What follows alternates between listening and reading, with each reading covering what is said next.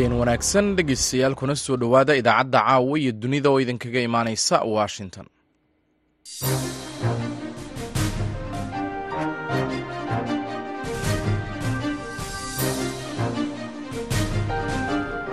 Waa fiidnimo axada bisha maarsana waa saddex sannadka labada kun iyo afar iyo labaatanka. Waxaad naga dhegaysanaysaan muwjadaha gaaggaaban ee lix iyo tobanka iyo sagaal iyo tobanka mitirban iyo bogga v o a somaali dotcom saacadda afrikada bari waa toddobadii fiidnimo. Idaacadda caawa iyo dunida waxaa idinla socodsiinaya anigoo ah maxamed bashiir cabdiraxmaan.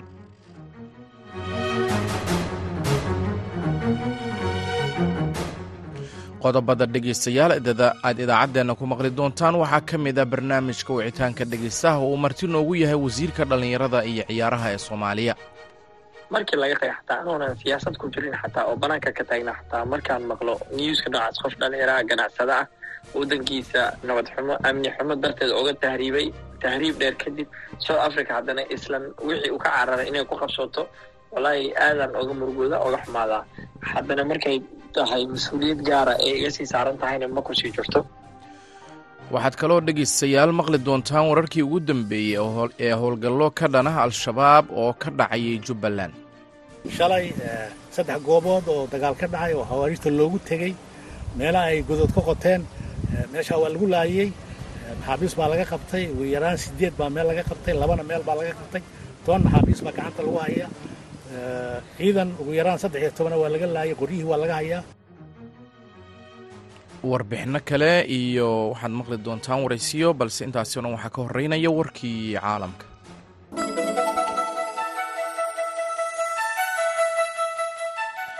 masar ayaa axadda maanta ah martigelisay ergo ka wada xaajoonaysa xabad joojin dhex marta israa'iil iyo xamaas waana dadaalkii ugu dambeeyey ee diblomaasiyadeed iyadoo mas'uuliyiinta khaza ay sheegeen in diqaymo cusub oo dhimasho badan dhaliyey kuwaasi oo ka mid ah dagaalka muddada shanta bil ku sii dhowaanaya. Sarkaal sare oo ka tirsan xamaas ayaa wakaaladda wararka a f b u sheegay in wafdi ka socda kooxdan falastiiniyiinta ah ay kala hadli doonaan dhexdhexaadayaasha hindise xabad joojin ah oo socon doona muddo lix toddobaad kadib markii sarkaal maraykan ah uu sheegay in israa'il ay si ballaaran u aqbashay shuruudaheeda. Wufuud ka kala socota maraykanka qatar iyo xamaas ayaa gaaray magaalada qaahira sida ay ku warantay warbaahinta dowladda masar iyadoo dhammaan dhinacyadu ay u xusul duubayaan sidii xabad joojin ay uga samayn lahaayeen ka hor bisha barakaysan ee ramadaan oo ku beegan tobanka ama koob iyo tobanka bishan. Dhinaca kale madaxweynaha falastiiniyiinta maxamuud cabbaas ayaa booqasho ku tegi doona dalka turkiga toddobaadkan soo socda si uu ugala hadlo dagaalka khaza iyo dadaalka dib u heshiisiineed ee u dhexeeya kooxaha falastiiniyiinta sidaasina waxaa maanta oo axada sheegay wasiirka arrimaha dibadda ee turkiga xakaan fidaan booqashadan ayaa ku soo beegmaysa iyadoo ay socoto diblomaasiyad xooggan oo lagu hakinayo dagaalka ku dhowaad shanta bilood ee u dhexeeya israa'iil iyo xamaas oo ka dhashay weerarkii xamaas ay israa'iil ku qaaday toddobadii oktoobar wasiirka arrimaha dibadda ee turkiga xakaan fidaan ayaa sheegay inay jiraan rabitaano iyo dadaallo dhab ah oo lagu doonayo in lagu gaaro xabad joojin ka hor bisha barakaysan isagoo khudbad ka jeedinayay madal diblomaasiyadeed oo sannadla ah oo lagu qabtay magaalada antaliya waxaana uu fidaan xaqiijiyey in cabaas uu talaadada booqasho ku tegi doono caasimadda turkiga ee ankara kadib markii uu casuumaad rasmi ah ka helay madaxweynaha turkiga rajeb tayib erdogan ku dhowaad boqol iyo toddobaatan qof ayaa lagu dilay weeraro toddobaad ka hor lagu qaaday saddex tuulo oo ku yaalla waqooyiga burkina faso sida axadda maanta ah uu sheegay. Dacwad oogaha guud ee gobolkaasi uu falkani ka dhacay iyadoo rabshadaha ay qaadayaan kooxaha hubaysan ay ka sii socdaan dalkan uu taladiisa militarigu la wareegay. Isla maalintii uu falkaasi dhacay oo ku beegneed shan iyo labaatankii febraayo ayaa weeraro kala duwan lagu kala qaaday. Masaajid ku yaalla bariga burkina faso iyo waa kiniisad katoliga oo ku taalla waqooyiga dalkaasi iyadoo la dilay ama lagu dilay tobanaan qof. Sarkaalkan dacwad oogaha gobolka ayaa waxa uu sheegay inuu helay warbixino ku saabsan weerarada lagu qaaday tuulooyinka kamsilka nordin iyo sureya oo gobolkaasi ka tirsan labaatankii febraayo iyadoo dad ku dhow qofna halkaasi lagu deldelay dadkii ka badbaaday weerarkaasi ayaa wakaalada wararka a f b u sheegay in tobanaan haween iyo carruur yaryar ah ay ka mid ahaayeen kuwa la dilay. Ilawareedyo dhinaca amniga ayaa sheegay in weeraradan lagu qaaday tuulooyinka ay gaar ka yihiin weerarada dad badan lagu dilay kuwaasiyo isla maalintaasi lagu kala qaaday masaajid ku yaalla miiga netiyabuani iyo kiniisadda ku taalla tuulada isakani. Ugu dambeynna madaxweynaha ukrain volodimir zelenski ayaa khudbadiisii habeenkii sabtidii oo muuqaal ahayd ku booriyey xulafada reer galbeedku inay hub siiyaan ukrain isagoo ku nuuxnuuxsaday dib u dhaca bixinta nidaamyada difaaca gantaalaha inay galaafan doonto nolosha dad badan oo reer ukrainah zelenski ayaa baaqaasi u jeediyey xulafada dalkiisa kadib markii ugu yaraan toddoba qof oo ay ku jiraan ilmo yar iyo haweeney lagu dilay duqeyn diyaarad aan duuliyo la socon oo ruushka ah sabtidii ay ka geysatay.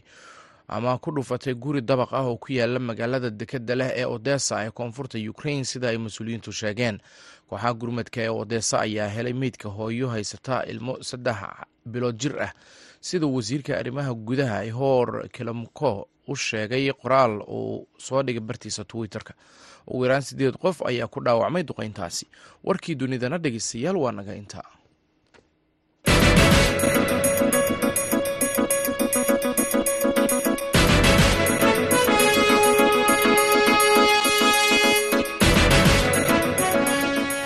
halka wararkaasi dhegeystayaal aad kala socotaan waa laanta afka soomaaliga ee v o a oo si toos idinkaga imaaneysa washington. Fiidnamo wanaagsan mar kale. Warbixin ay soo saartay qaramada midoobay ayaa lagu sheegay in ku dhowaad koob iyo toban bilood oo uu dalka suudaan ka socday colaad ay sababeen dilwadareed barakaca burbur hanti iyo xadgudubyo xaddhaaf ah oo ka dhana xuquuqda aadanaha kuwaasi oo dhibaato aan la qiyaasi karin u geystay malaayiin dad ah kuwaasi oo dhibaatooyinka ay ilaabeen inta kale ee adduunka lisa shalayn ayaa warbixintan ka soo dirtay geneva waxaana inoo haysa caashe ibraahim aadan. Dhibaatada dalka suudaan ka jirta waa masiibo u muuqata in ay ku dhex siibatay oo ay ku sii dhacday ceeryaamo caalami ah. Valker tark oo ah madaxa qaramada midoobey u qaabilsan xuquuqul insaanka ayaa yiri intii lagu guda jiray wadahadal ku saabsan xaaladda ka taagan dalka suudaan oo ka dhacday golaha xuquuqda aadanaha ee qaramada midoobay maalintii jimcaha. Teerka ayaa waxa uu soo bandhigay qiimeyn ba'an oo mugdi ah oo lagu sameeyey nolosha suudaan. Ka jirta tan iyo markii ay iska hor yimaadeen jenaraalada ciidamada qalabka sida ee suudaan iyo xogaga taageerada deg dega ah ay dalka gelisay. Sida hadalka loo dhigay colaad aan naxariis lahayn oo aan macno lahayn shan iyo tobankii bishii abriil waxay sameeyeen jawi argagax leh oo malaayiin ku khasbay in ay cararaan ayuu yiri oo waxa ay si joogto ah ugu dhaqmeen iyada oo aan la ciqaabin oo aan lala xisaabtamin lagalana xisaabtamin xadgudubyada ba'an ee la sameeyey. Waxa uu sheegay in warbixintu ay muujinayso xadgudubyo iyo tacadiyo kala duwan oo ay geysteen dhinacyada isku haya dalka suudaan isaga oo xusay in badan oo ka mid a xadgudubyadaasi ay noqon karaan dembiyo dagaal amaba dembiyo kale oo foolxun tan iyo markii uu dagaalku bilowday qaramada midoobey ayaa waxa ay sheegtay in ugu yaraan afar iyo toban kun iyo lix boqol oo qof la dilay lix iyo labaatan kun oo kalena lagu dhaawacay. Hay'adda qaramada midoobey u qaabilsan qaxootiga u n h c r ayaa ku waramaysa in dagaalka uu xididada u siibay sideed dhibic hal milyan oo qof lix dhibic saddex milyan oo gudaha dalka suudaana iyo hal dhibic sideed milyan oo qaxooti ah oo ku nool shan wadan oo dariska ah taas oo ka dhigaysa suudaan dhibaatada barakaca ugu weyn ee adduunka. Suudaan waxa ay maanta wajahaysaa mid ka mid ah dhibaatooyinka bini-aadminimo ee ugu xun adduunka taasoo ay sabab u tahay iska horimaadka hubaysan ee bilowday shan iyo tobankii abriil ayay tiri hana sarwa tete oo ah ergeyga gaarka ah ee qaramada midoobay u qaabilsan geeska afrika iyada oo raacisay siddeed iyo toban milyan oo qof ayaa wajahaya gaajo daran. Shan iyo labaatan milyanna waxay u baahan yihiin gargaar bini-aadminimo.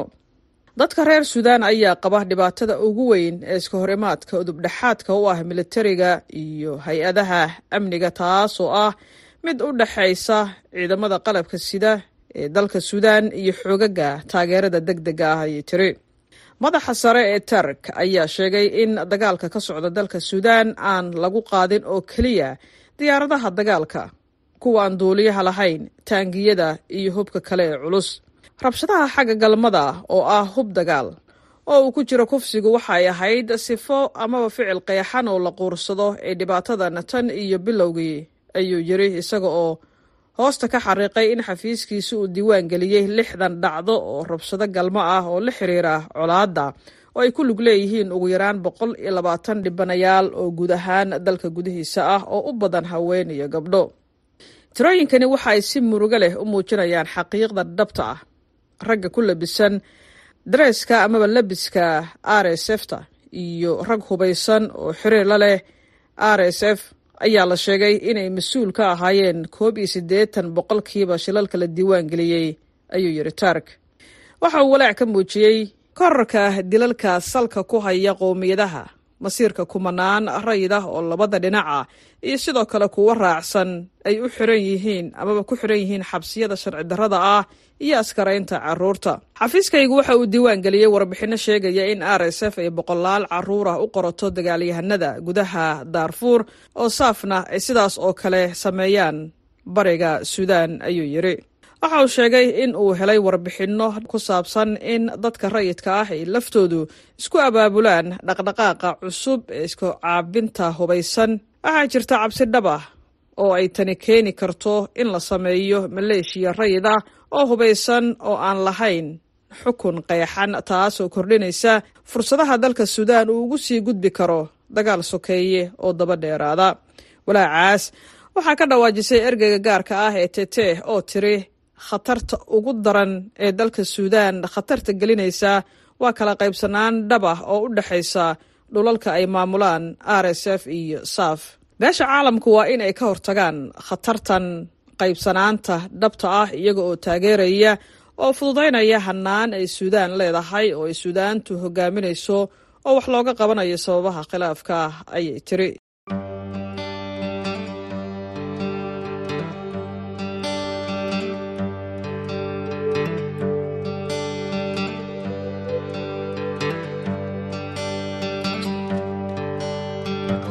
marka laga hadlayo gabdhaha soomaaliyeed ee taariikhda ka galay halgankii xornimodoonka fanka iyo bini'aadminimada waxaa kugu soo dhacaya magacyo ay ka mid yihiin xaawo taako guduuda carwo iyo xaawo cabdi.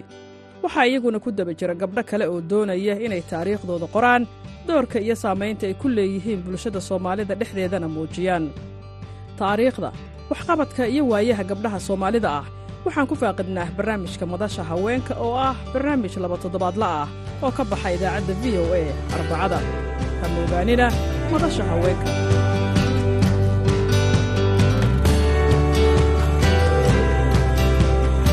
Wadaxaajoodyo ayaa dib uga furmay magaalada qaahira axadda maanta ah si loo gaaro xabajoojin oo loo soo daayo lahaystayaasha ku sugan khaza iyadoo dhexdhexaadiyaasha masar iyo qatar ay filayaan inay jawaab ka helaan xamaas sida ay sheegtay ama ay ku waramayaan wararkii ugu dambeeyey ee wadaxaajoodyada warbixin ay qortay v o a waxaa noo haya jamaal axmed cismaan.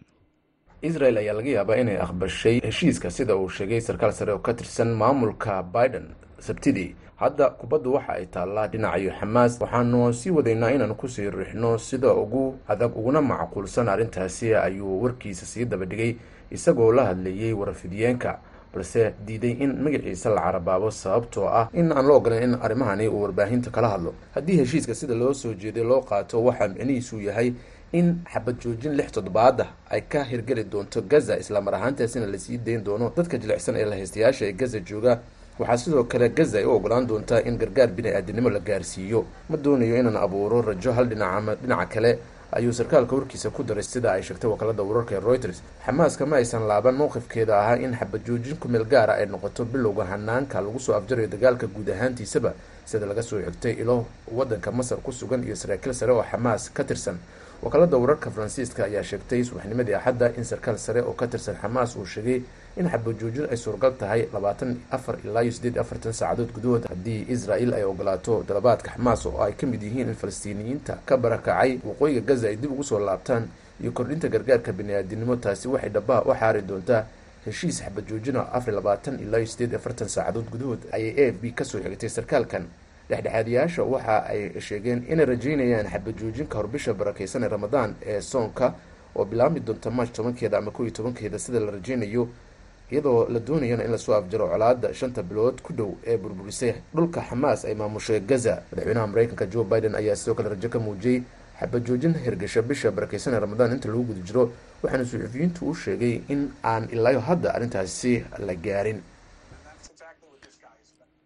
Intaasina dhegeystayaal haddii aynu ku dhaafno warbixintaasi jamaal axmed cismaan uu noo hayey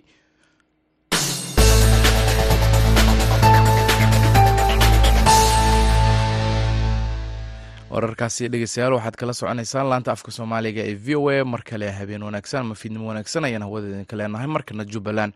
Maalintii labaad ayaa howlgallo militari ay ka soconayaan deegaano ka tirsan jubbada hoose ciidamada maamul goboleedka jubbaland iyo kuwa xooga dalka ee dowladda soomaaliya. Oo iskaashanaya ayaa howlgalladaasi ka wada nawaaxiga degmada jamaame waxaana saraakiisha ciidamada jubbaland ay soo bandhigeen maxaabiis gaaraysa toban oo ay ku sheegeen inay ka tirsanaayeen kooxda al-shabaab haddaba wararkii ugu dambeeyey howlgalladaasi waxaa noo haya wariyaha v o a ee kismaayo aadan maxamed salaad. Taliyaha ciidanka taliska afartan saddexaad ee xoogga dalka jenaraal cali maxamed maxamuud begmadow ayaa warbaahinta kula hadlay deegaanka buuloguduud waxaana uu faahfaahin ka bixiyey sida howlgalka uu soconayo. Maalmahan waxaanu wadnay howlgallo aanu kaga sifaynayno cadowga deegaanada baarsanguun singaleed farwaamo iyo agaarkooda biriijyo ay dumiyeen waanu hagaajinay oo ka mid tahay biriijkii buuloguduud iyo kii warka uu hadda gacanta lagu hayo iyo farwaamo waxaanu ka hawl jirnaa inaannu ka sifayno deegaanada aan idiin sheegay cadowga sababtay u yimaadeenna waxay ahayd daadadkii yaa ciidankeenna markii hore ka soo saaray nasiib darro. Laakiin waa lagama maarmaan waa khasab inaannu dib ugu noqonno oonu ka sifayno khawaariijta dadkii soomaaliyeed ee meesha ka qaxay naftooda meelaa la dejiyey waa la daryeelay raashin baa la siiyey maamulka jubbaland gacan weyn bay ka geysteen. Biyuhu dadka un may saamayn ciidanana way saameeyeen. Oo deegaanadan hadda aanu xorayno difaaceed waxaa kaga jira sna waa kaga jirtay gaar ahaan guutada koob iyo tobnaad baa kaga jirtay. Marka insha allahu tacaala waxaanu ku tala jirnaa maanta iyo berri inaanu soo afjarno sidoo kale taliyaha ciidanka taliska afartan saddexaad ee ciidanka xoogga dalka ayaa tilmaamay in howlgalladaasi ay yihiin kuwo lagu xaqiijinaya ammaanka maadaama fatahaadii ciidamada markii hore ay ka soo guureen ay imika dib u laabteen biyahaasi. Taasna ay sabab u tahay in ay dib ugu laabtaan deegaanada. Ka maqan gacanta maamulka ee ku dhow degmada jamaame ee gobolka jubbada hoose isagoona sheegay in intii howlgalladu ay socdeen ay gacanta ku soo dhigeen ilaa toban maxbuus sida uu sheegay. Shalay saddex goobood oo dagaal ka dhacay oo hawaariijta loogu tegey meelaha ay godood ka qoteen meeshaa waa lagu laayey maxaabiis baa laga qabtay. Ugu yaraan sideed baa meel laga qabtay. Labana meel baa laga qabtay. Toban maxaabiis baa gacanta lagu hayaa. Ciidan ugu yaraan saddex iyo tobana waa laga laayay. Qoryihii waa laga hayaa. Waxay sameeyeen hogag bay qoteen oo ay isku qariyaan oo diyaaradda kaga qarsanay ay diyaaradda iskaga qarinayaan. Laakiin xeeladdaa waa soo afjarnay. Meeshooda loogu tegey sidaan sheegayo hubna waa laga qabsaday maxaabiis baa laga qabsaday waana la laayey guul fiican baa la gaadhay guul fiican. Waxaan ku rajo weynahay inta yara hadhee meelahan ordaysa inaanu soo afshirno insha allahu tacaala. Inkastoo deegaanada lagu dagaalamaya ay yihiin dhulbeereedyo ay degan yihiin dad rayida ayaa haddana dadkaasi badankood waxa ay ka soo barakaceen guryahoodii. Ka hor fatahaadda waxaana haatan ay naawilayaan in ay dib deegaanadooda ugu laabtaan yaxye maxamed cabdi haajir oo ah guddoomiyaha tuulooyinka hoostaga degmada jamaame ee gobolka jubbada hoose ee maamulka jubbaland uu gacanta ku hayo ayaa ka warbixiyey xaaladda dadkii ka soo barakacay deegaanadaasi iyo haddii ay jiraan. Waxyeelo dadka shacabka ka soo gaartay howlgallada ka soconaya deegaanadaasi. Marka horena waxaan ka soo barakacnay marka hore waan degnayn oo deegaan baan ahayn. Waan degnay oo maaragtay dawladda gacanta ku haysay de waxaan marka hore ugu soo qaxnay. Biyaha awgeeda oo maarata raasku ilaahay noo keenay haddana ilaahay baa naga celiyey maasha allah haddana waan ku dhownahay insha allah inaan ku noqono waddankeena maarata waan jecnahay insha allah dadkii oo dhan hadda waa hadda deegaankii oo dadkii deegaankii bulshadii oo dhan hadda aag aagan waxay joogaan oo istanbul. Hadda wax meesha degan oo shacab degan hadda malan laakiin waan ka warqabaa. Maasha allah hadda wax kasaar ma soo gaarta malan ma jiraan wax shacaba oo ay dhibaato ka soo gaartay dagaalada aagga ka soconaya maya ma ma jiran ma jiran ma jiran ma jiran waa aagi jima mar mar waa laga soo qaxay waa dadkii waxay degan yihiin. Meelahan istanbul iyo meelahan raamraam laakiin maasha allah haddii inaan ku noqono waddankeenaan jecelnahay maasha allah dawladdana kala socotaa ilaahay garabaa siiyey waa maasha allah inaan gaari doono.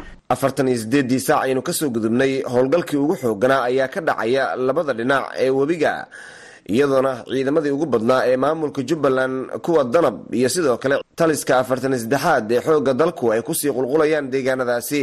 Ujeeddada howlgalkan ayay saraakiisha ku tilmaameen inuu yahay sidii deegaanadaasi ay markii hore ciidamada ka soo guureen fatahaada awgeed ay dib ugu laaban lahaayeen. Islamar ahaantaana ayna ugu talagaleen in lagu xaqiijiyo ammaanka deegaanadaasi. Aadan maxamed salaad v o a magaalada kismaayo mahadsanid aadan markana dhegeystayaal waxaad ku soo dhowaataan barnaamijka wicitaanka dhegeystaha waxaana soo diyaariyey soona jeedinaya nuur xasan nuur nuur bukhaari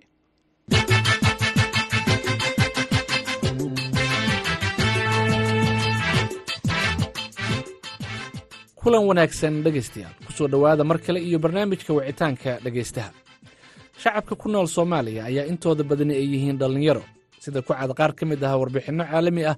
In ka badan toddobaatan boqolkiiba dadka soomaaliya ayay da'doodu ka hoosaysaa soddon sanno haddaba maxay yihiin caqabadaha ugu badan ee haysta dhallinyarada soomaalida? Waa sidee xaddiga shaqola'aanta kaalin intee la eg ayay dowladda soomaaliya ka ciyaaraysaa shaqa abuurista dhallinyarada? Sideese looga faa'iidaysan karaa aqoonta xoogga iyo maskaxda dhallinyarada? Su'aalahaasi iyo kuwo kale waxaa nooga jawaabi doona wasiirka dhallinyarada iyo ciyaaraha soomaaliya maxamed bare maxamuud. Wasiir marka hore ku soo dhowow barnaamijka wicitaanka dhegeystaha. Waa mahadsantaa nuur? Waa ku dhawaay barnaamijka? Bal marka hore noo faahfaahay tan iyo markii aad wasaaradda timid waxa idiin qabsoomay adiga oo soo koobay.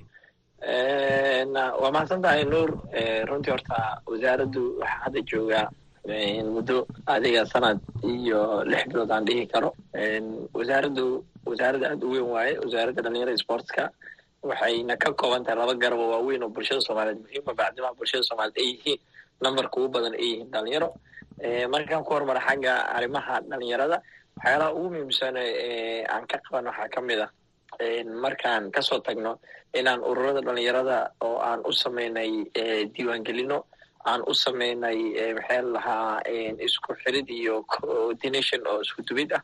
Sidoo kale aan u sameynay barnaamijyo badan oo tababaro oo caygooda iyo aqoontooda kor loogu qaadayo. Welina aan gacanta ku sii hayno oo aysan ka marneen intii ay baahidooda ahayd aan weli la gaarin targetka. Waxaan noo qabsoon waxaa ka mid ah sannadkii tegey shirweynaha qarno dhalinyarada oo isaguna aan heer caalami ama forum caalami aan ku qabanay dhalinyaro soomaaliyeed oo kun iyo shan boqol gaarayso aan isaga keennay guud ahaan gobollada dalka iyo magaalada muqdisho iyo daafaha caalamka waxaa kaloo shirkaas aan ku soo bandhignay ama aan ku launjigaraynay sanadkaas noo qabsoomay siyaasadda qaran ee dhalinyarada oo markii ugu horreysay dhalinyaro soomaaliyeed siyaasadda ay qoreen aqoon-yahano soomaaliyeed ee qoreen oo dhalinyaro ah kuwa dhalinyaraha ay maxaa la dhahaa sameeyeen consultationka ee la sameeyen dhalinyarada dhalinyarada laga soo arooriyay fikradooda guud ahaan siyaasaddaasna ay ahayd siyaasad dhalinyarada soomaaliyeed. Gobol kasta aan ka tagnay state waliba dhalinyarada meel isugu keenayna elite ilaa laba boqol saddex boqol oo dhalinyaro aan ku weydiinaynay. Maxaa priority u ah muddada shanta ama toddobada sano soo socotee dhalinyarada taas waxay ka mid ahayd guulihii waaweynaa dhalinyaradaas dhanka sportska markaan soo kooba ayaduna runtii isku dayo waaweynaan sameynay. Marka ugu horreysay aan xafiis ka nimid waxaan consultation la sameynay dhammaan xiriirada iyo guddiga olombicada wadahadal dheer kadib waxaan isku fahnay in hadda kadib wax walbo sportska waxyaalaha ayagana ay u baahan yihiin caqabadaha ay noo soo gudbiyaan. Annaguna aan ka wasaarad ahaan aan la galno maxaa la lahaa lobby sida loo horumarin lahaa. Marka ugu horreysana waxaan gacantu la kowsanay ayada taagna ciyaarihii dhalinyarada toban todoba jirada sakaafa waxaad daragaran kartaan dadaalka ay markaas wasaaradda dardarka ay ku samaysay iyo ayadoo kaashanaysa markaas xiriirka kubadda cagta ee shaqada ku lahayd in wasaaraddu ay ku guuleysatay xulkeena qaranka toban todoba jirada inay noqdaan champion marka ugu horeysa soomaaliya oo taasna ay ahayd taariikh ama guul noo soo hoyatay muddo afartan sano ka badan xulkeena qaranka kubadda cagta uusan soo gaarin guul taas oo kale oo taariikhi ah ilmaha toban todoba jirada sidaas si lamida waxyaalihii inooga qabsooma waaweynaha guulaha waaweynaha waxaa ka mid ahaa soomaaliya marka ugu horeysa ayadana qualificationska ee world cupka inay ka mid noqotay inay cayaarto sanadii dhammaatay. Waxa ayadana si lamida aan taariikh ahaan waxyaalaan ka xasuusan sportska aan sameyn waxaa ka mid ah inaan wasaaraddu halkudhig waxaan u sameynay la yidhahdo no one left behind. Qofn cidna cidlo loogama tago. Waxaan sameeyay marka ugu horeysa waxaan abaabulnay koob dadka baayaha gaarka qaba gaar ahaan dhalinyarada maqalkala marka ugu horeysan aan ku cayaarsiin isbartiibada ama garoon weyn aynu gelinay in ka badan boqol iyo sideetan cayaarood labiiyo toban kooxood oo maqalkala muddo lix bilood horyaal socda ayaduna ay u soo gebagabeynay ayada ugu dambeysay waxyaalihii sportska xaggiisa nooga qabsoomay xagga maxaa la dhahaa iyaduna tartankii xiisaha badnaa ee dowlad goboleedyada isaguna aan ku qabanay garoonka weyne tuulada cayaaraha soddon iyo saddex sano kadib ay wasaaraddu gacanta ku dhigtay garoomada marka ugu horeysa iyadoona halkaa la geeyey garoonkaas tuulada cayaaraha kadib ciyaarihii gobollada dalka ugu dambeysay ciyaar sidaas oo kale xiisii xamaasad waleed lagu qabto ayadoona waad garan kartay lixdan iyo shan kun oo ilaa todobaatan kun oo taageero isu yimid. Taariikhda ugu dambeysay waxyaalahay ka qabsantaase dhankaas lamidna footballka amin basketballka ayaguna ciyaaruhu iyo dhammaan xiriirada kale ayagana waxaa jiray xoogaa isbedelo oo xaggaas ah. laakiin waxaan aaminsannahay gabagabadii waxaan aaminsannahay waxa aan qabanay iyo waxana laga sugayo inaysan isu dhegmin weliba waxaa fanol fare ka noqono. Waaya waa mahadsan tahay dhalinyarada waxaan ognahay soomaaliya in ay yihiin dadka ugu badan dadka soomaalida. Marka ma qiimeyseen ka wasaarad ahaan caqabadaha ugu badan ee ku horgudban dhalinyarta soomaalida? Dhalinyarada horta soomaaliyeed caqabadaha ugu waaweyn ee ku horgudban waxaan qiimeyn aan ku sameynay kadib waxaan aaminsannaha ama nooga soo baxay inay tahay dhalinyarada oo horta u baahan in xirfadahooda ama xagga waxa la yidhaahdo youth skillska ama xirfadaha gacanta dhalinyarada tababaradooda in aada loo kordhiyo taasoo aada nooga liidata si la mid ah caqabadaha kaleo jira waxaa ka mid ah iyaduna fursadaha xagga shaqo ama shaqa abuurka. Sanad walba jaamacadaha waxaa ka soo baxo dhalinyaro lagu qiyaasay labayo labaatan ilaa saddex iyo labaatan kun oo dhalinyaro ah. Runtii saaxadda farsamo mataqaana shaqaduna ma saamixi karto intaasna ma wada qaadi karto. Ayadana caqabado kale ahayd oo meeshaas nagu jirtay oo xagga aan ka aragnay baahiyii dhalinyarada ama caqabadaha dhalinyarada aan inta aan wareysanayna aan ka diiwaan gelinay waaya marka dabcan shaqo la'aanta ayaa lagu sheegaa marka laga yimaado xagga amniga oo dadka guud ahaanba ay u wada baahan yihiin soomaalida shaqo la'aantaasi maxaad ka qabateen ka wasaarad ahaan xagga shaqa abuurista dhalinyarada horta runtii shaqo abuurka dhalinyarada in wax laga qabto waa qorshaha koowaad ee aan anaga istraatiiji ahaan ama wasaaradda markaan samaynayna siyaasadda qaran ee tobanka tiir ku dhisan maxay tole tiirka koowaad iyo tiirka labaadba waxay focus garaynayeen in youth educationka through maxaa la skillska xirfadaha aqoonta iyo tacliinta in dhalinyarada laga dhiso. Number labana job creation loo sameeyo. Labada tiir ugu horeysa focuskeena ahayd aan ku bees garaynay laakiin ka wasaareed ahaan weli waxaan wadnaa sida aan maxay tole caqabadahaas ama challengeskaas dhalinyarada ka horgudban aan u yareyn lahayn shaqa la'aanta. Laakiin runtii weli nooma saamixin noomana suurgelin. Sababo la xiriira duruufta wasaaraddu ay ku shaqeyso aada u hooseysa darteed waa garta. Dhanka tacliinta ayaad soo hadal qaaday siyaasadaha idin degsan. Marka xagga waxbarashada idanka oo wasaaradda waxbarashada la kaashanaya maxaa qiimeyn ah oo aad samayseen? Maxaadse ka qabateen? Runta dhanka waxbarashadu horta aaday u fiican tahay. Tacliinta maadiga ama tacliinta asaasiga ah aaday u fiican tahay. Annagoo wasaaradda waxbarashada runtii door laxaadle meeshaas ay ka samaysay ka buuxisay ee la kaashanayno laakiin tacliinta ama annaga aan u baahannahay ee annaga focuska noo ah maaha tii caadiga tii caadiga wasaaradda waxbarashada u buuxisay waxa waaye dhalinyaradu in la baro xirfado taas waa aqoonta macnaha. Youth education through tafid ama waxaa la yidhahda farsamada gacamaha ama maxaa la xirfadaha gagaaban ee dhalinyaradu. Sidaad ogtahay dhalinyarada dunida hormartay marka ay jaamacadahu ay dhiganayaan ama dalkeena waa lahaa jiray laakiin fursaddaas dagaalada markay na qabsatay kadib waxa waayey baahidii aqoonta asaasiga unbaa meeshaas aan ku soo celin maahane waxaa jirta waxa la yidhahda dhalinyarada in la baro. Markay class aid maraayaanba intayna dugsiga sare gaarinba in farsamo ama xirfado la baro dhalinyarada oo qofkan u saamixi karto. By the time uu dhamaysto dugsigii sare by the time uu jaamacadda aadayo uu garan karo xirfado uu ku shaqaysan karo. Macnaha uu yaraan noloshiisa iyo wixiisa ku dabaran karo jaamacaddiisa ama isaga isbixi karo. Tusaale in la baro sida xirfadaha electriga in la bari karo xirfado kaloo gagaaban sida plumberka ayu nooc maxaa la dhaha hadda dunidu way horumartay technologya noqotay. La bari karo maxaa la dhaha aaladda la yidhaahdo editingka ama videographer editingka ama maxay tole waxa la yidhaahdo e e commerce ama online commerciga yacni waxyaalo badan waxaa jira dhalinyarada xirfado gagaaban la bari karo eenu ku shaqa tagi karaan marka taas waa tan anaga aan xooga saaraynay welina aan gacanta ku hayno oo aan hadda waxaan bilaabnay xarumihii aan dhisnay. Waxaan dhisnay waxa la yidhaahdo somali youth hub habkii ama xaruntii dhalinyarada lagu tababar laha dalkao dhan inaan ka wada dhisanaa noo qorshaysa hadda meelaan ku guulaysana weli laakiin waxaan wadnaa kambeynkii aan wax ku satalgareyn lahayn. Wasiir sida aan ognahay sanadkan miisaaniyadda dowladda federaalk soomaaliya markii ugu horreysay ayay gaartay hal bilyan oo dollar. Marka dhalinyarada ama wasaaraddaada dhalinyarada soomaalida maxay ku leeyihiin miisaaniyaddaas? Nuur saa sheegtay waaye miisaaniyadda dowladda marka ugu horreysay one bilyan gaartay waxay ahayd dadaal iyo juhdi badan ee xukuumadda dan qaran samaysay. Laakiin macal asaf dhalinyarada soomaaliyeed waxaad moodaa inay waxba ku lahayn miisaaniyadda intaas la eg. Miisaaniyadda intaas la eg haddii dhalinyarada soomaaliyeed laga siin lahaa three percent waxaan is leeyahay dhalinyaradu wax badan ayay meeshaasu ka dabooli lahayd caqabado iyo baahiyo badan oo dhalinyarada ku horgudbanna xalaa loo heli lahaa. Wasaaraddu miisaaniyadda intaas la eg waxa ay ku leedahay waa wax ka yar hal milyan.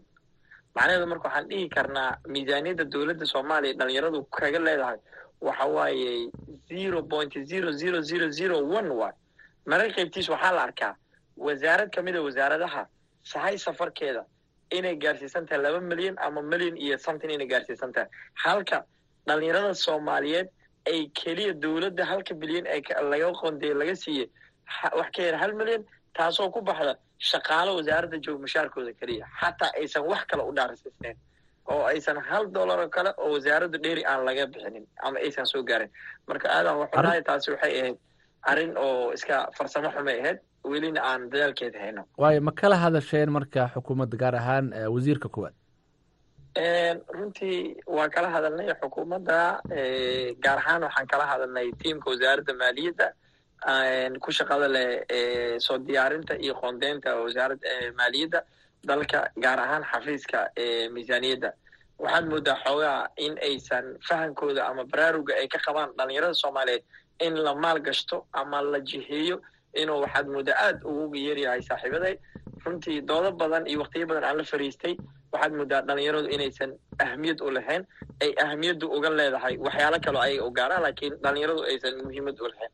Marka taas waxay ahayd cillad xoogaa xaggaas ka jirtay laakiin dadaal badan oo aan ka samaynay doodo badan aan kala galnay iyo annagoo horgeynay ra'isul xukuumadda wuxuu noo ballan qaaday inuu arrintaas wax ka qaban doono waana insha allah rajeynayna inuu wax ka qaban doono xagga isboortiga dhowaan ciyaarihii maamul goboleedyada iyo gobolka banaadir ayaad qabateen. Marka maxaad ka barateen? Maxaa idinkaga soo baxay? Natiijo noocee ah ayaa idinkaga soo baxday marka ciyaaraha ay dhammaadeen. Runtii waxyaalo badan aan ka baranay. Waxyaalaha ugu waaweyn markaan daraso ama aan kuusoo gaabiyo waxaa kow ka ah in horta dhalinyarada soomaaliyeed ay aad uga baahi qabaan ama guud ahaan bulshada soomaaliyeed sportiska. Waxaa kaloo ka baranay sportiska inuu yahay isdhexgal iyo inuu sare u qaado kobaca nabadda. Sababtoo ah bisha uu ciyaarahaas daarnaa magaaladu waxay ahayd bisha ugu amniga badneed magaalada. Bisha waxay ahayd magaalada falalka burcadka iyo qalqalka magaalada ay burcadka ka samaysa ama waxyaalaha falalka nabad agenist ama cagsiga ku ah nabadda wuxuu ah bisha ugu yareedeed ugu xasiloonay ahayd. Waxaa marka waxyaalaha ka baranay ka mid ahaa sportiska inuu kor u qaado nabadda iyo isdhexgalka. Waxaan kaloo ka baranay in bulshadu ay tahay bulsho nabadeed fariin nabadeed qurux badan iyo maxaa la ay bulshadu dareensiinaysay caalamkaba in sportska soomaaliya uu dib u soo laabtay. Sportiskana meesha uu joogi jiray iyo xiisiyo xamaasaduu lahaan jiray mid lamida inuu ku soo laabtay. Waxyaalahan ka baranay ahayd caqabado yaro waxaa iska jira ayadan dhanka kale iska xagga maxaa la dhahaa duruufahana mararka qaarkiisa ay kow ka ahaayeen. Kow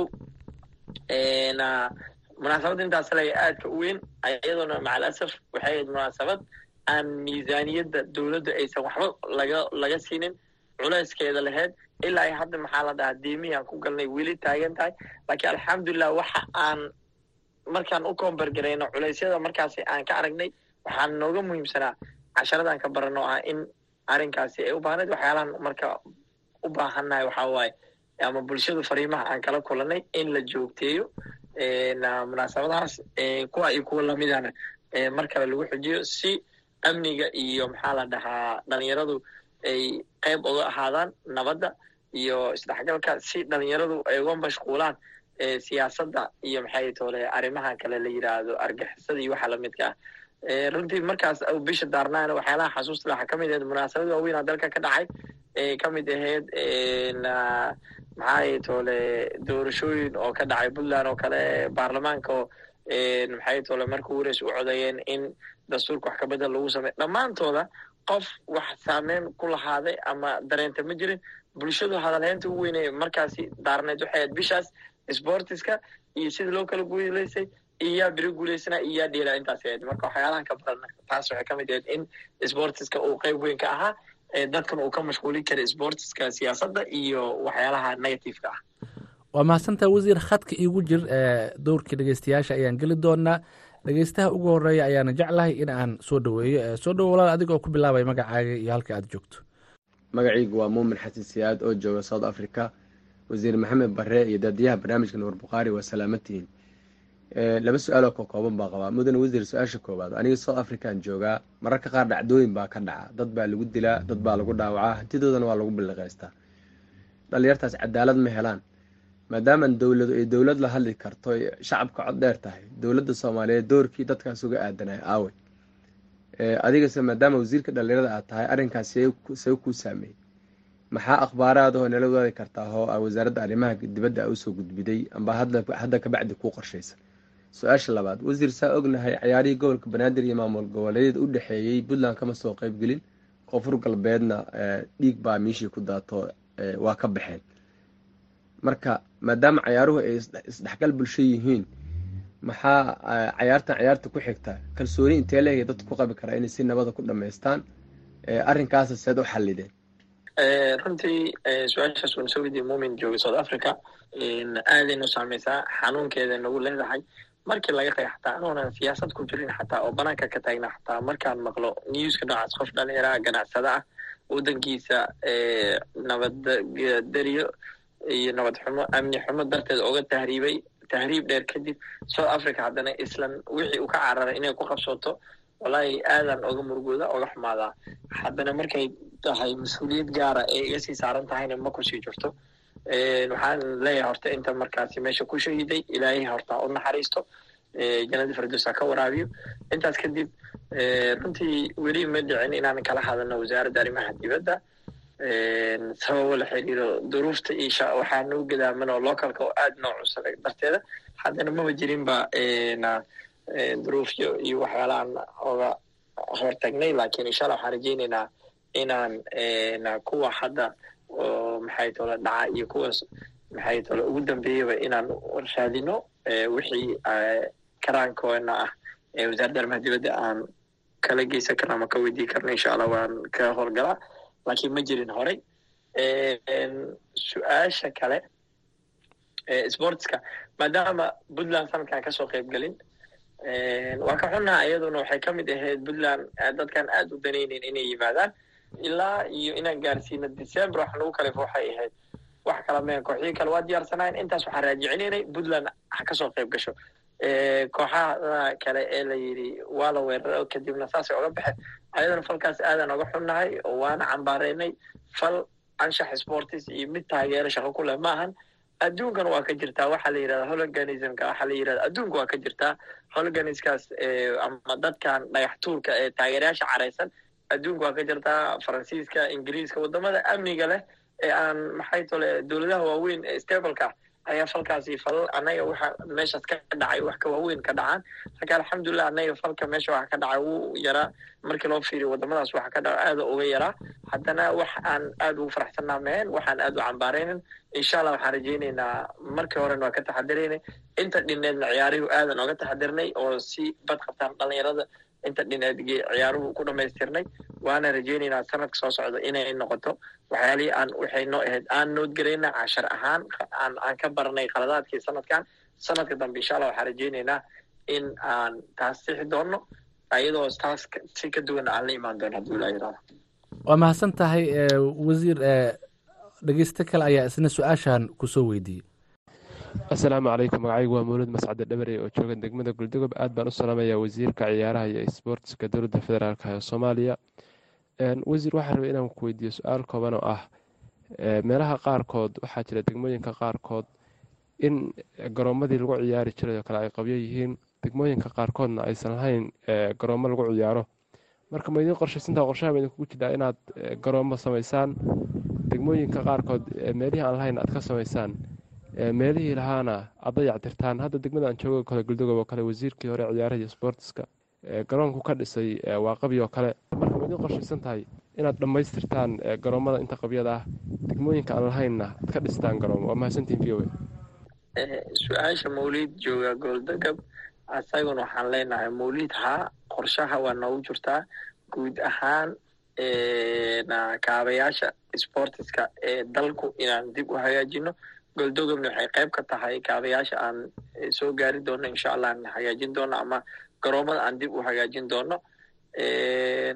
Keliya maaha kuwa badda cagtee waxaa qorshaha noo ah in guud ahaan sportiska hadday ahaan leed kuwa basketballka kuwa handballka iyo guud ahaan dhammaan cayaaraha fudud oo dhan garoomadooda inaan dib u hagaajino. Marka insha allah waa qorshe oo noo qorshaysan waana rajayneynaa sanadka soo socdo ama midkan intuusan dhammaaninba inaan gaari doono. Layaalaada magaalooyin waaweyn oo ay goldogob ku jirto. Waaya wasiir dhanka kubadda cagta ayaan weli ku jirnaayey ama dhankii ciyaaraha xiriirka soomaaliya ee kubadda cagta. Sida aan ognahay iyadoo la eegayo shuruucda fifa siyaasadda waa uu ka madax bannaan yahay. Ciyaarahu ay ka madax bannaan yihiin. Marka ma siisaan madax bannaanidooda xagga maamulka dhanka xidhiirka kubadda cagta runtii anagu og taas ka dharagsan ayaan madax banaanidooda ayaan siinaa nasiib darase waxay ka jirtaa. Soddonkii sane ee ugu dambeysay dowladuhu ama dowlad la'aan dalku ahaa ama dowladaha hadba marxalada ay soo kala marayeen ayaad waxaa moodaa xiriiradu waxaad maqli jiray baadi aadan lahayn hadday kugu raagto xoolaha ay ka mid noqdaan. Xiriiradu maadaama aysan jirin wasaarad si toos ah ula falgasho ama si toos ah monitoringka ama doorka oversightka ee ku lahayd qaadata maadaama ay waayeen. Waxaan is leeyahay mararka qaarkiis madax banaanidiya waxaad moodaa inay ayaguna intii ay xaq u lahaayeen in ka ziyaada ah inay isku darsadeen. Mararka qaybtiis eeba ayaga isku arkaan inay yihiin wasaarad iyo xiriir wada jira inay yihiin. Laakiin waxaan rajaynaynaa insha allah annagoo taas wax badanna kala hadalnay wax badanna kawaanin wax badanna aan oga sheegnay. Waxa xuquuqi lein annaguna xuquuqdooda waa ku ixtiraamnaa waa siina ayaguna tayna inay noo ixtiraamaanaan ka rajaynayna insha allah. Xulka kubadda cagta caqabadaha ay sheegtaan marka aan wareysano waxaa ka mid ah miisaaniyad yarida iyo taageero la'aanta xagga dhaqaalaha. Marka wasaaraddaada maxay ka qabata arrintaas dhanka kubadda cagta iyo weliba ciyaaraha kale sida kubadda koleyga iyo wixii la mid ah guud ahaan sportiska dalka oo qaybo badan iyo faraacino badan leh runtii ka xukuumad ahaan ma jirto wax miisaaniyada oo dowladda ay hadda ugu talagasha ama aan ka siinay. Laakiin waxaan mar walba wadnaa qaabka aan ugu heli lahayn. Runtii maalinkan imid ilaa hadda waxaan goobjoog u ahaa laba miisaaniyadeed oo la dejinayay. Nasiib darase labada miisaaniyadba waxyaalaha aan horgeeyey ama aan hordhiga waxay ka mid ahayd wasaaradda maaliyadda gaar ahaan xafiiska ama directorate of budgetka ama qaybta miisaaniyadda in xulka qaranka ama ciyaaruhu miisaaniyad loo sameeyo. Nasiib darase ciyaaruhu ama guud ahaan dhalinyaradaba fahamka ma haystaan wasaaradda maaliyadda oo waxay ku leeyihiin dalka ahamiyad kale iyo priority kale iyo dagaalaha ku jira. Marka adiguna waxaa ka hadlaysaa wasiir ciyaar la ciyaaray sports la ciyaar. Marka fahan yarida haysata saaxiibadeeda xafiiskaas joogo ayaan is leeyahay xoogaa culayska u weynaan haysta. Waa laakiin waxaan rajaynaynaa insha allah sanadada soo socota inay fahmi doonaan inay ahmiyad leeyihiin dhalinyarada soomaaliyeed maadaama dunida horumartay ay ku horumartay ka faa'iidaysiga awoodda dhalinyaradooda iyo inay dhalinyaradooda ay heegan iyo mudnaan u leeyihiin oo dhalinyaradooda mudnaanta kuwaad ay u tahay. Annaguna waan rajaynayna insha allah sanadka soo socota inay dowladdeenu iyo gaar ahaan ay fahmi doonaan iyo wasaaradda maaliyaddaba. Wasiir iyadoo la tix raacayo ciyaarihii dhowaan la qabtay ee dowlad goboleedyada ayay dad badan oo ciyaaraha jecel ay soo jeediyeen in ay ficnaan lahayd in ciyaaraha maaragtay tartanada laga dhigo ciyaarihii gobollada si loo ballaariyo. Marka arintaasi ma laga yaabaa oo ma kala hadasheen oo ma kala tashateen xiriirka kubadda cagta in la soo celiyo ciyaarihii gobollada halkii laga dhigi lahaa maamul goboleedyada runtii arrintaasi xiriirka kaliya muqdise gobollada lagu ciyaar lahay magacyadooda xataa dadso ilaa hadda saad ogtihiin dalkeenu ma joogo waagii gobollada ee dalku eed ama xukuumad hal xukuumad ama hal dowladda centralized ee dalku xukumaysa ma aha. Maanta waxaad ogtihiin dalkeenu in qeybo qeybo uu noqday ama stadio ama federal states u kala gogo-ay. Marka arrintaas federaalka darteeda ma suuragalayso ama hadda ma saamixayso insha allah waxaan rajeyneynaa in aan keeni doono laakiin istraatijiyad kale oo ay ciyaarahaas ciyaara u dhigma lagu keeni doono. Lakiin hadda suuragal maaha maxaa yeelay arrinta federaalka oo ku horgudban darteeda. Ma jirto marka meel aan hadda ka heli karno ciyaarihii gobollada aan dib ugu soo celi karno. Waaya wasiir intii aan barnaamijka ku guda jirnay qeybihii hore waxaad ka dhawaajisay golaha dhalinyarada qaranka. Marka hadda ma dhisan yahay golaha dhalinyarada qaranka mise waad ka fikraysaan golaha dhalinyarada qaranka hadda ma dhisno hadda keliya shuruucdiisaan dhamaystirnay diyaarinay. Golaha dhalinyarada qaranka insha allah waxaan bilaabeynaa dhowaan bishaan hadda maanta bilowga ah waxaan rajeyneynaa dabeeqadiisa ama ramadaanka meesha uu ku dhammaado horaanta bisha abril waxaa bilaabmi doona doorashooyinka guud ahaan dalka oo ka dhici doona golaha dhalinyarada qaranka loo tartami doono loona dareeri doono sanadiiq codod aan dhigi doono guud ahaan gobollada inta hadda ay dowladuhu ka dhisayin ama steedyada iyo dowladduba ay gacanta ku hayso waxaan rabnaa marka insha allah inaan dhisno golo dhalinyaro qaran oo ku imaan doona masiirka dhalinyarada hogaankeeda qofka qabanaya qof iyo cod. Halka waayadii hore ay ku imaan jireen magacaabis ama dekreeto wasiirka federaalka hadba qofkii jooga. Waaya ugu dambeyntii waxaan ognahay in tirada dhalinyarada soomaalida ay dhaafsiisan tahay boqol kiiba toddobaatan marka loo eego shacabka soomaalida. Marka sidee looga faa'iideysan karaa ama dowladda ay uga faa'iideysan kartaa aqoonta xoogga iyo maskaxda dhalinyarada soomaalida? Runtii dhalinyarada soomaaliyeed waxay bulshada soomaaliyeed ka yihiin in ka badan boqol kiiba shan iyo toddobaatan. Mararka qaybtiis haddii dib loo fiiriyo boqol kiiba siddeetan ay madaxa la galaan. Haddana nasiib daro lagama faa'iideysa saasay yihiin laakiin waxaan aaminsannahay dhalinyarada soomaaliyeed haddii xoogoodii caqligooda maskaxdooda laga faa'iideysto loogu talagalo in faa'iidooyin badan laga heli karo dalkuna uu ku horumari karo.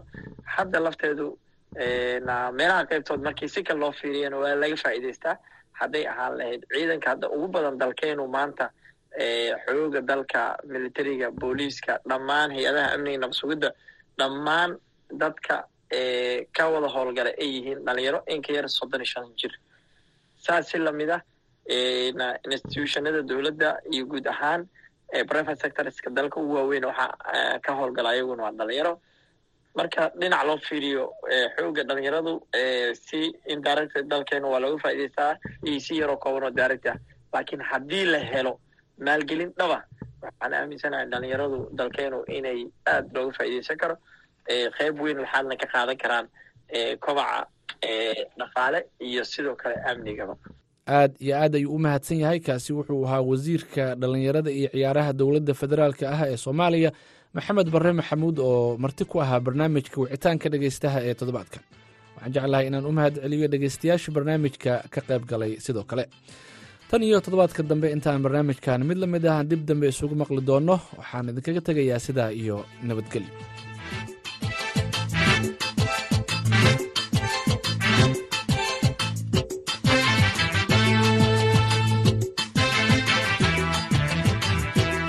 mahadsanid nuur xasan nuur nuur bukhaari oo barnaamijkaasi wicitaanka dhegeystaha nala socodsiinaya halkaad nagala socotaana waa laanta afka soomaaliga ee v o a oo si toos idinkaga imaaneysa washington. Fiidnimo wanaagsan mar kale. Maamulka magaalada qardho ee puntland ayaa ka warbixiyey suuq cusub oo laga dhisay magaalada kaas oo ay dowladda hoose bilowday inay dejiso ganacsatada ku hanta beeshay daadadkii sannadihii dhowaa ka dhacay magaalada gudoomiyaha degmada qardho cabdi siciid qaal ayaa sheegay in ku dhowaad toddoba boqol oo qof ay ku ganacsan karaan suuqan cusub. Waxaa arrimahan uu uga waramay wariyaha v o a ee magaalada boosaaso yuusuf maxamuud yuusuf oo dhowaan booqday magaalada qardho. Yuusuf waa ku mahad v ona waa mahad maalmaha kan waxaan wadnay inaan dad ka soo rarno suuqa hore oo suuqa cusub aan keenno sababta aan uga soo raraynay suuqa hore suuq hore wuxuu ahaa biyo oo dadku waa ku khasaaroobi jireen oo daadka biyu kala tegi jireen alaabta kala tegi jireen. Sidoo kale wuxuu ahaa qorax wuxuu ahaa boor wuxuu ahaa waddooyinka oo maaragtay oo ciriir ahaa. Waxaa hadda uga soo rarnay marka shaqadii biyaha la qabanayaa biyaha la rabaa in la furo. Sidaa daraaddeed waxay noqotay dadkii meeshaa deganaa inaan suuq kale aan u helno suuqa hadda quruxo badan oo loo diyaariyey baan ugu talagalnay waana dejinnay waxaana ku talagalku yahay halkaas aan biyo maaragtay aan daad kula tegayn oo aysan ma garanaysaa adeegyada dhan ku haystaan har ah muxuu ahaaye securitygiisu iyo amnigiisu sugan yahay. Sidoo kale ay habeenay maalin ku ganacsan karaan oo meel kasta solar system iyo kaga xiran yahay. Layrka cadceedda iyo kii magaranaysaye korontada ay ugu xiran tahay biyo ay ugu jiraan. Balbalooyin iyo muxuu ahaye hoolal waafi ah ay maarata ku haystaan amnigii o dhanna maarata u sugan yahay. Adeegyo kala duwan ay ku haystaan. Halkaas ugu talagalnay habeenay maalin ku ganacsadaan alaabta u oolaato keedadkana waa u yaaleen way guddoomiye waxay ii sheegtay dadkan inay marka hore dhibaato ay kala kulmi jireen daadadka xilliyada roobka khasaare noocay ay kala kulmi jireen marka waxay kala kulmi jireen waxay hanti haystaan oo dhan daadka ka qaadi jiray. Roobkuna way soo laalaaftaan waxaa laga yaabaa lixdii biloodba in mar ay cayroobaan. Meel banaanna way ahayd oo biyomareen ah meel wax ku kaydsadaan waxay ahayd meel biyomareen ah. Marka way ku hantibeeli jireen marar kala duwan bay weliba ku hantibeeleen. Marka sidoo kale meeshu ma lahayn wax adeeg ah. Ma lahayn meel maaratay lagu tukado ma lahayn. Ma lahayn meel musqul isticmaalo ma lahayn. Meel la harsado ma lahayn. Muxuu ahaye leyr ma lahayn. Maalin un bay ganacsan jireen. Amnigu xataa ma garanaysaa dee meel laiska furan bay ahayd. Laakiin hadda intaas o dhan ba maaragtay waxa weeye badiilkeed bay heleen oo intaas oo hadda aan leeyahay ma haysan hadda way haystaan tirada ganacsatada qaybahooda kala duwan ee aada u soo rarteen suuqan maxay isugu jiraan? Tiradoodase waa imise haddaad diiwaan geliseen ganacsatada noocyada la soo raray waxay isugu jiraan. Hadda sideed item ama sideed nooc bay isugu jiraan. Waxaa ka mid ah hilibkii qudaartii furtiskii kabihii dharkii iyo dadkii cuntada karin jiray kuwii bagaashka gadi jiray kuwii shoobinka gadi jiray. Qaybahaasoo dhan bay isugu jiraan. Dadka aan halkaa keenayno aan soo diiwaangelino intaa biyomareenka ka soo diiwaangelina waa dad toddoba boqol iyo dheeraad ah. Toddoba boqol oo qof baan ugu talagalnay waana ganacsatada yaryarayd oo waratada ahaa. Ganacsatada waaweyneyd waxay jirdhaa suuqi weynaa oo isagu intiisa badan ka baxsan meesha biyomareenka ah. Laakiin ganacsatada jilicsan baa waxay deganeyd dhulka biyomareenka ah oo waratada ah. Marka waratadii baan suuqa u sameynay. Maxaa idii xigi doona marka oo tallaabaa maadaama aad hadda dadkan aad dibadejin u samayseen waxaa noo xigi doonta horta inaan suuqa u sii horumarino waa rabnaa oo inta ka sii ballaarino adeegyada yaalla iyo hoolasha ku yaalla iyo dadku meelahay fadhiisanaya aan sii horumarino sidoo kale waxaa noogu xiga hadda bilaabanaysa dadkan meeshii laga raray in oo biyomareenka ahayd in laga howlgalo oo waxaa dhisme ku yaalla oo maaragtay biyaha magaalada ku celiya iyo siligyada yaalla iyo ma garanaysaa jidadka xiran iyo ciidda tirada badana taalla iyo dhagaxa yaalla. Waxaas inaan ka qaadno oo meel bannaan oo biyuhu si caadi u maraan inaan ka dhignaan rabnaa. Ujeeddada aan ka leenahayn waxa weye biyaha magaalada inaan ka maarayno ganacsatada meel ku habboon aan ma garanaysaa biyahana magaalada ku xirayn iyaguna ay maaragtay ku ganacsan karaan kuna barwaaqoobi karaan inaan maaragtay helaan. Suuqa waa heleen waana ku barwaaqoonaya waana deganaan doonaan. Biyahana magaalada waa ka furaynaa si looga baxo biyaha magaalada ku soo laalaafta hadda marka wejiyuu kale leeyahay biyo furistu hadda waxaa la sameynaya waa wejiga koowaad. Waxaa higi doonta laba wejioo kale oo ka sii dambeeya oo iyaguna noqon doona in maaragtay canals biyu maraan. La sameeyo mid banaanka laga sameeyo biyaha laga duwo iyo mid magala dhexeeda laga sameeyo oo biyaha maaragtay magaala ka qaada. Marka howlahaas waa noo dhiman yihiin laakiin hadda wejiga koowaad weeye oo biyuhu inay si dabiiciya u maraan aan u diyaarinayno waaya guddoomiye waa wada joognay maalmahan magaalada qardho. Waxaa jira dad cabasho muujinayay oo ku saabsan inaysan helin weli boosaskay ku ganacsan lahaayeen. Dadkaas maxaa xal idinkaga dadkaas way jiraan. Sababta ay maaragtay uga maqanyiin liiskana waxaa weeye maalintii la diiwaangelinayey maalmihii la diiwaangelinayay ka maqnaayeen. Weliba habka diiwaangelinta waxay ahayd maalmo kala duwan baa lagu laabanayay. Qofkana goobtiisa loogu tagayay goobta lagu diiwaangelinayay maalmahaasay marka ka maqnaayeen insha allah iyagana waxa weeye waa hubinaynaa waana ku daraynaa wayna heli doonaan boosasi ku ganacsadaan qof walba warata ah oo halkaa deganaa oo la xaqiijiyo halkaa inuu deganaa oo muwaadina boosas ku ganacsadaan sii doonaa dileerada. Kaasina waxa uu ahaa guddoomiyaha degmada qardho cabdi siciid qaal oo u waramayey wariyaha v o a magaalada boosaaso yuusuf maxamuud. Yuusuf markana dhegeystayaal waxaan idiin soo qabanaynaa heystan ku wada loqeeyaan aamina keyr iyo maxamed suleymaan tubeec aamina macada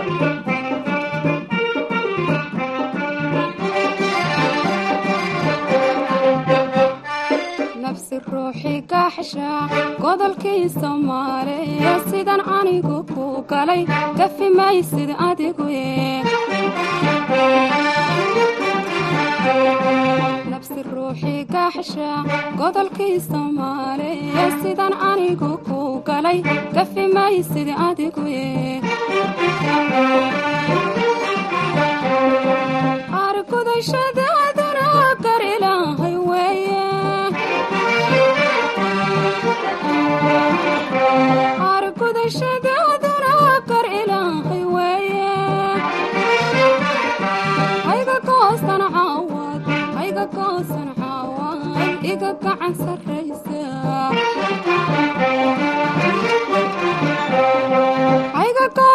ah hayga goosan xaawaad iga gacan sarraysa.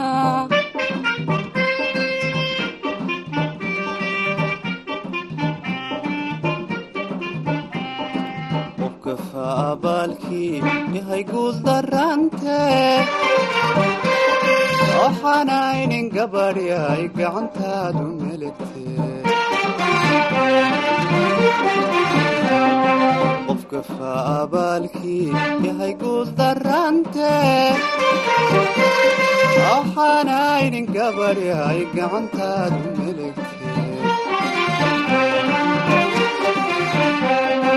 waxaanay garaaxiyo godobka tirsanaye. Waxaanay garaaxiyo godobka tirsanaye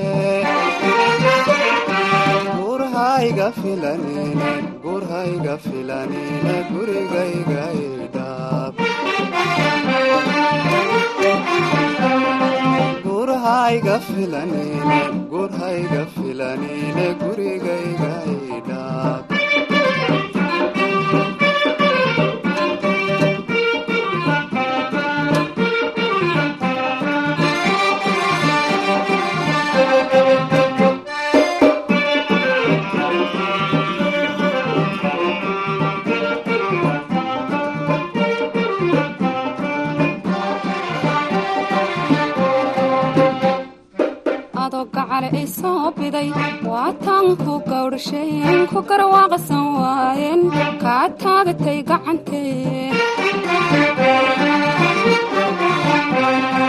Adoo gacale i biday waataan ku gawdhasheen ku garwaaqsan waayeen kaa taagatay gacantee. Waxaan anigu gaystaa goobta i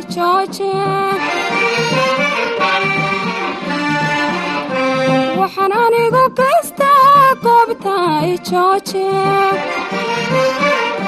hayga goosan caawad hayga goosan caawad iga gacan sarraysa hayga goosan hayga goosan caawad iga gacan sarraysa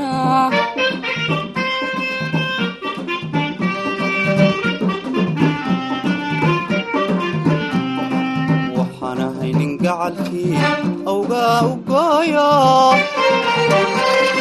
Waxaanahay gargaarkii galladkaaga waaye waxaan ahay nin gacalkii awgaa u gooyo. Waxaanahay gargaarkii galladkaaga waaye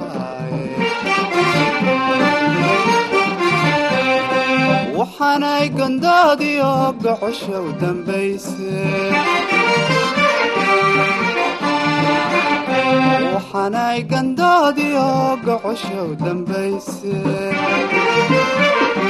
Gurhayga filanine gurhayga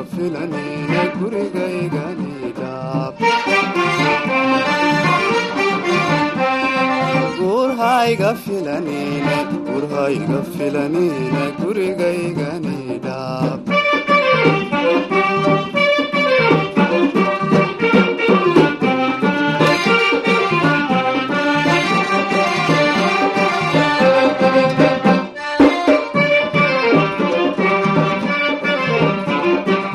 codadkaasi allah u naxariistay maxamed suleymaan tubeec iyo aamine feer waxay gebagaba u ahaayeen idaacaddii caawa iyo dunida oo idinkaga imaanaysa laanta afka soomaaliga ee v o a. Tan iyo kulanti dambe waxaan idin leenahay nabadgelyo